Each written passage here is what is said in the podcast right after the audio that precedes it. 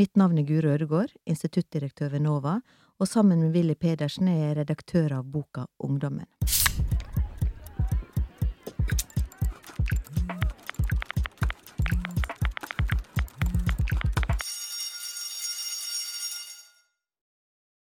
Norsk ungdomsforskning feirer jubileum. Faglig sterke forskere setter løpende dagsorden for politikken. Ja, Willy, vi er midt i en høst, og vi er midt i ei feiring. Det er 30 år siden Ungforsk blei etablert.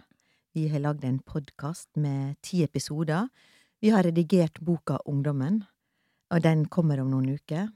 Eh, under å bli lansert under den årvisse Ungdata-konferansen. Og det er da tid for ettersnakk. Du var jo en av de som var der når det hele starta i 1991. Hva var det egentlig som skjedde? Ja, altså jeg var så heldig at jeg tilhørte det som ble kalt kjernegruppa. Det var fem stykker som fikk jobb. Og vi fikk faktisk jobb for hele fem år. Og vi var, de aller fleste av oss var i slutten av 30-årene. Uh, og det var altså da det som het Norges allmennvitenskapelige forskningsråd, det som senere ble uh, NFR, Norges forskningsråd, som hadde gjort et oppdrag for, tror jeg, Barne- og familiedepartementet, og klarte å stable på beina virkelig store beløp, da. Så um, dette var veldig sjenerøst. Det var kjempegod stemning. Alle vi fem likte hverandre veldig godt, og vi fikk fine kontorer oppe i Forskningsparken. og mange var belest, vi hadde lest gammel ungdomsforskning. Noen var ganske godt drevne i statistikk, store datasett, regresjonsanalyser og sånt. Så det innebar at vi på en måte ja, Det var en veldig drive. Spennende. Og vi prøvde også å sende tingene våre til gode internasjonale tidsskrifter. Dette er jo lenge siden, men jeg husker fortsatt dette som virkelig en veldig flott, spennende tid, da vi først prøvde å finne formen på de greiene her. sånn. Men du ville mange, altså flere av dere fem, blei jo også forelesere og viktige undervisere på universitetet og sånn. Kan ikke du bare gi oss navnene på de fem som var i kjernegruppa? Altså, det var jo Tormod Øya som ledet det hele, sosiolog. Og så var det eh, Ola Stafseng, som også var sosiolog, men som etter hvert orienterte seg mot Pedagogisk institutt. Eh, så var det Toril Hammer, også sosiolog. Eh, og så var det Lars Wikstrøm, eh, psykolog. Eh, og så var det meg, Willy Pedersen, som da jo var en blanding da av sosiologer med kvalitative datakilder som spesialitet, noen av oss. og men tre av oss hadde jo jobbet ganske mye med kvantitative data, og liksom allerede orientert oss mot disse internasjonale tidsskriftene, som da på den tiden begynte å bli viktige, og som ble veldig mye viktigere etter hvert, da. Men det som har slått meg når jeg har gått tilbake og, og jobba liksom med historien bak ungdomsforskninga i Norge, så slår det meg hvor eh, dere var opptatt av akademisk kvalitet, og helt innlysende, men samtidig så skulle forskninga være veldig sånn relevant for også i en norsk samfunnskontekst, ikke bare det internasjonale forskerpublikummet.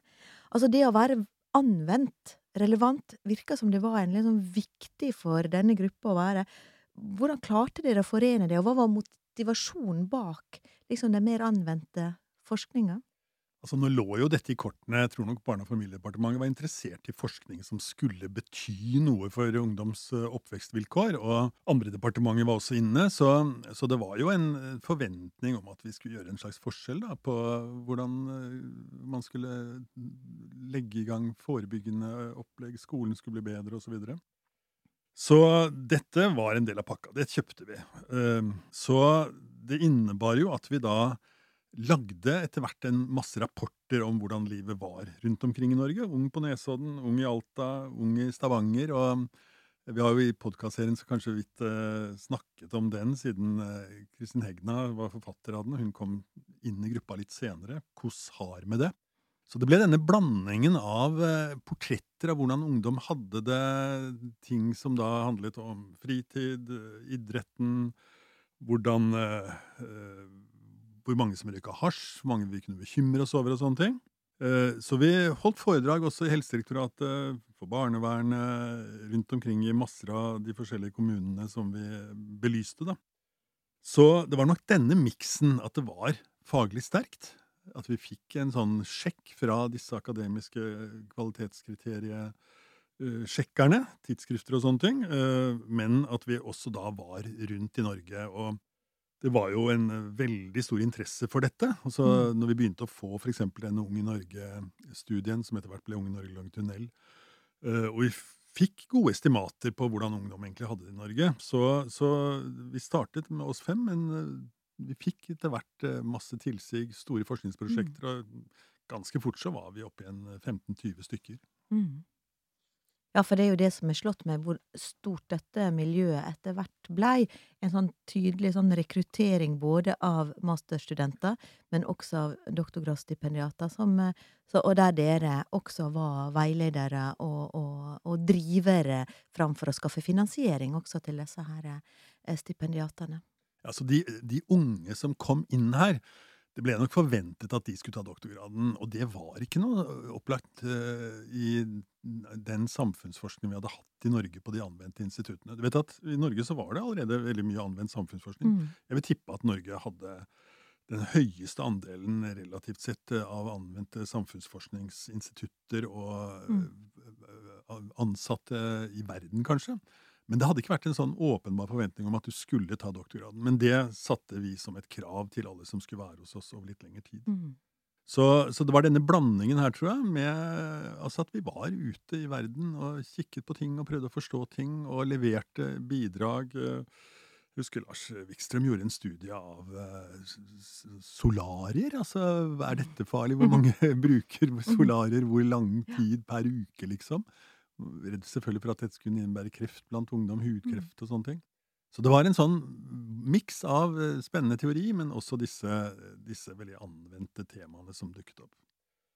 Men Guro, nå har vi snakket mye om meg og starten på um, Ungforsk. Du dukket jo selv opp på scenen på 90-tallet, midt på 90-tallet, tror jeg. Eh, jeg husker både deg og masteravhandlingen din, som hadde en veldig kul tittel, 'Erobring og forbrødring'. Alkohol, distinksjon og mening i det moderne utelivet. Kan du huske noe om uh, ungforska av norsk uh, ungdomsforskning på den tida selv? Var dette miljøet vårt uh, kjent for deg? Var det en inspirasjon for oss, eller? Absolutt. Altså, det som du ikke veit, Willy, som jeg faktisk første gang jeg forteller deg nå, det var jo at det, min veileder på denne masteroppgaven var jo en annen fagperson som har vært viktig for, for framveksten av norsk ungdomsforskning, nemlig Eh, professor i sosiologi, Ivar Frønes. Og han var veileder for meg, og han visste jo min liksom store drøm om å komme til ungdomsforskninga ved NOVA. Så det han gjorde, var å ringe til deg og spørre om at det, du kunne være sensor på en veldig interessant masteroppgave, sånn at jeg har tenkt at denne kom til å interessere deg. Og sånn møttes vi første gang, og du var da sensor eh, på, på den oppgaven. Uh, jeg tror du fikk veldig god karakter, så vidt jeg husker. Du hadde tallkarakter da, men hvor du var langt, langt nede. Det, det, det, gikk veldig bra. Men det som fanga meg, og som også var Det, det er særlig to norske bidrag som jeg har lyst til å, å nevne. Jeg tror ikke at jeg, du rangerer det, det, ditt bidrag som det høyeste akademiske, men for meg så var, kom du med en essaysamling som heter Ungdom er bare et ord, i 1994. Og denne essaysamlinga ordna liksom litt sånn verden for meg, fordi den bidro til å løfte opp mytene vi omgir oss med, og du ga noen sånne nydelige beskrivelser om hvordan myter former moderne fortellinger, da om ungdom. Og det er kanskje i kombinasjon med å bruke liksom empiriske data, teoretiske eh, Et teoretisk bakteppe, eh, som fascinerte meg i, eh, i, disse fortellingene og essayene som du gir, altså dette å kontekstualisere de empiriske funnene.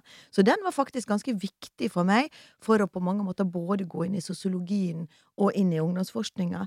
Men så må jeg også nevne Tormod Øya, som leder Ungforsk, altså en briljant foredragsholder, som presenterte tall også i kontekst, og ga en sånn ny systematisk kunnskap jeg var aktiv i frivillige organisasjoner på den tida, når eh, disse åra etter Ungfors ble etablert, og dette her med at han kom og ga noen begrep også til vi som jobber for og med ungdom, om ungdomskultur, om klasse, om samfunnspolitiske engasjement og hvordan forstå dette her. Og vi snakker 90-tallet her, og slik sett så ga Tormod sin bok Apolitisk ungdom næring også til min vitetrang der. Så det som imponerte meg nå i ettertid, det er jo at dere egentlig var så få. Dere var så unge. Eh, dere omfavna også en sånn tverrvitenskapelig, og også tenkte langsiktig med tanke på kvantitative data, eh, men samtidig satsa på kvalitative data. Eh, og dere var synlige, satte dagsorden på ruskriminalitet, fritidsmønster, i en mediehverdag som var langt mer oversiktlig enn den som var i dag. Så det har vært veldig gøy å ha dette prosjektet her nå når Ungdomsforsk Ungforsker 30 år, og alt har jo sin tid, og det er jo derfor det er så fint at vi nå, 30 år etter, samla noe om dagens ungdomsforskning i denne boka Ungdommen, og så denne podden, da. Så dette her er jo tiende episode, Willy, og det er ikke noe eh, poeng å repetere dette her, men hvilke tanker har du gjort deg, eh, er det mye kontinuitet å spore i de bidragene som vi ser nå, 30 år etter du var med å etablere Ungforsk? Altså Nå har jo du og jeg, Guro, lest uh, de bidragene som er i boka mange ganger. Vi har uh, hjulpet til kanskje litt grann for å flikke på dem for å få fortellingene enda tydeligere frem. Og vi har snakket med mange av de bidragsyterne også i poden vår, så det har vært gøy. Og det er, som du, ser, som du sier, så er det også et sånt eh, på spor av en tapt tid. Altså det er jo lenge siden, men eh, hvis jeg skal si noe helt kort om det som var situasjonen da vi startet, så var det jo at denne såkalte Birmingham-skolen hadde satt internasjonal dagsorden med nye subkulturstudier av ungdom. Mm. Nøkkelbegrepene her var stil og motstand og resistance through rituals. Altså motstand gjennom ritualer var kanskje den viktigste teksten som vi brukte mye tid på å lese. Og man brukte i disse studiene kvalitative data primært. Men det var subkulturer eh, man studerte, i all hovedsak. Skinheads, punkere I Norge fikk vi en fin studie av ungdom på Blitzhuset, for eksempel. Så poenget var jo at disse subkulturene de ble tenkt som å representere motstand, protest, sette mm. dagsorden politisk. Uh, og i dag så er det jo ikke så mye sånt i boka vår. så er det ikke, må jo medie at det er ikke så veldig mye sånne subkulturstudier mm som minner om uh, de studiene vi gjorde av skinheads og mm, hipster og sånne ting. Men hvis du hører nøye etter, så er det allikevel spor av dette, syns jeg. Eh, for de som har hørt på poden hvor vi var med sosiologen Kjetil Skogen og en guttegjeng av ganske sånn rølpete gutter på jakt, mm. så tolker jo han dem inn i et sånt uh, motstandsperspektiv. Dette er gutter som uh, Eh, protesterer litt mot Oslo-elitens opptatthet av helse. De tar seg gjerne en røyk, drikker seg litt fulle og er temmelig macho. Og ikke så veldig politisk korrekte, vil jeg si. De er opptatt av å bruke blyhagl istedenfor plasthagl, som de mener at er diktet opp av eliten i Oslo. Et annet perspektiv på motstand er jo det kriminologen eh, Asin Banafshet har, når hun forteller om hvordan muslimske ungdommer kan få slengt skjellsord etter seg på gaten. De blir ikke bare satt ut, men de tar til motmæle. De kan både mm. latterliggjøre og drite ut hetserne, og sånn sett så er det en sånn underliggende mm. vilje til å vise at uh, ungdom er aktive, engasjerte. De uh, tar skjeen i egen hånd, og det, det syns jeg på en måte hele boka vår også gjennomsyres av. Altså at det er ungdom som på en måte er kreative, aktive, står på, og sånn sett så er det ganske mye uh, kontinuitet tilbake til Birmingham-skolen. Selv om vi jo på en helt annen måte brukte disse svære datasettene, mm. serverdata og sånne ting. Så, så, det er en fin link, syns jeg, til mye av det vi drev med da på tidlig 90-tallet. Ja, så tenker jeg at vi har jo bidrag i boka som også speiler den nye tid, som jeg syns det er viktig å få fram også dette her med med dette her Vi har et uh, viktig kapittel om festovergrep. Dette her med, med, forming av kroppen, at unge og kroppspress og denne type tematikker, også som kanskje har kommet mer på dagsordenen i vår tid enn det var for 30 år siden, som også nå er gjenstand for viktig forskning, da, for å forstå fenomenet bak eh, dette her. Mm. Strålende, begge de bidragene du snakker om. Altså, nå er det jo masse gode bidrag her, sånn, men her løfter vi jo fram ting som også i kjølvannet selvfølgelig av metoo er eh, Ja. helt avgjørende. At vi Ja. finner såpass Ja. tydelige spor av dette i ungdomsgruppene. Mm. Men eh, du, da er det noe særlig du har bitt deg merke i ellers her, eh, Guro? Altså, det var jo en artikkel som eh, jeg veit du også ønsket det veldig, og vi fikk den artikkelen. Det er den første empiriske artikkelen som presenteres i boka, og det er jo artikkelen Online offline, og den handler rett og slett om hvordan det digitale ungdomslivet har endra seg på 30 år. Eh, det går liksom ifra kabel-TV til smartphone, altså, og hvilken betydning har denne teknologiske og digitale utviklinga hatt for hvordan unge, lever sine liv, synes jeg er et veldig sånn strålende eksempel på hvordan disse her kvantitative datasettene, disse tverrsnittstudiene, også blir brukt til å fortelle noe om en samfunnsendring, og hvordan denne samfunnsendringa påvirker ungdom til enhver tid. Um, og hvem skulle tru på eh, midten av 1990-tallet at eh, om 30 år så skulle ungdom bruke tida sine hjemme i sofaen hos foreldrene sine. Altså, det hadde jo eh, Vi hadde jo steile, hadde vi hørt om det. Og hvem skulle tro at det debutalderen for alkohol gikk opp, og problematferden gikk ned? Vi så jo bare ei retning på dette her da, i denne her etterdønninga av 80-tallet. At gutterommet og jenterommet skulle erstatte gatehjørnet for intimitet og vennskap, og ikke minst hvordan ungdomstida eh, bidro til senere løsrivelse fra foreldrenes kontroll, det som virkelig skulle være den tida der en skulle ha opposisjon mot foreldre og kunne på mange måter gå inn i voksenlivet selvstendig. I dag så har jo alt dette med det digitale, den nye teknologien, sosiale medier, spillene og alt dette her ført til at ungdom vokser opp langsommere, fordi det tar lengre tid før unge deltar i handlinger forbundt med voksenhet. Og det er jo ikke så rart at en ikke henger på hjørnet, gatehjørnet, når en kan sitte hjemme og være i Bygge vennskap og nettverk på telefonen sin. Det er utrolig hva eh, interessant dette her har vært, og den artikkelen eh, bærer på langt vei i seg denne arven også fra Ungforsk. Gode data, empiriske studier, teoretisk forankra og ei himla god fortelling. Altså, Jeg syns det er veldig morsomt du nevner den artikkelen offline online. og eh, Jeg syns nemlig den er et veldig godt eksempel på denne veldige kraften i de kvantitative datakildene som vi klarte å etablere med Ungforsk på 90-tallet. Altså disse store studiene av eh, ungdom over hele landet hvor vi bruker surveydata. Så vi fortsatte jo da vi begynte med Ungforsk med sånne dypdykk i subkulturer og fine kvalitative studier, men jeg vil si at eh, for å snakke litt svulstig kanskje, så ble selve slagskipet det, i dette miljøet, det ble jo disse store representative servicestudiene. Som gjorde at vi med en veldig autoritet kunne fortelle om hvordan ungdom faktisk hadde det i eh, landet. I lokalsamfunn, men også på nasjonalt plan. Som jeg sa, så var det både statsråder og journalister, i lokalsamfunn over hele landet som lyttet når vi presenterte de siste tallene. Hvordan oppslutningen om idretten var. Eh, hvor godt ungdommene trives på skolen. Eller om bruken av alkohol eh, går opp eller ned. Selv likte jeg det funnet du var så vidt innom selv, nemlig det flotte funnet om at alkoholbruken faktisk begynte å gå ganske kraftig ned blant ungdom på slutten eh, av 90-, begynnelsen av 2000-tallet. Og det fortsatte jo i lang tid. Så er det jo desto mer pikant at det fortsatt eh, at det faktisk økte blant foreldrene, og ikke minst Mm. besteforeldrene. Altså, jeg har jo holdt masse foredrag om alkoholbruk i, i Norge, og da har det jo vært ungdommene man har bekymret seg for. Det er Mm. derfor det har blitt kalt for å holde et foredrag. Mm. Men eh, når jeg da har sagt at ok, det er nok besteforeldrene vi må bekymre oss over, men på den annen side så er det ikke så greit å ta bestefar i øret hvis du ser at han sitter med gin tonic hver kveld.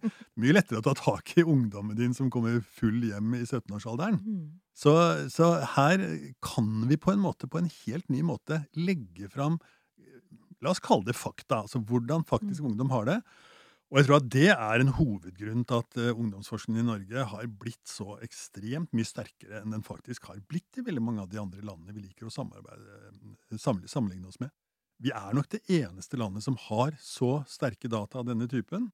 som gjør at vi faktisk hele tiden fortsetter å være veldig relevante. Og det er jo miljøet rundt Ungdata, som eh, du er leder for, som har bidratt til å opprettholde dette veldig sterke fokuset.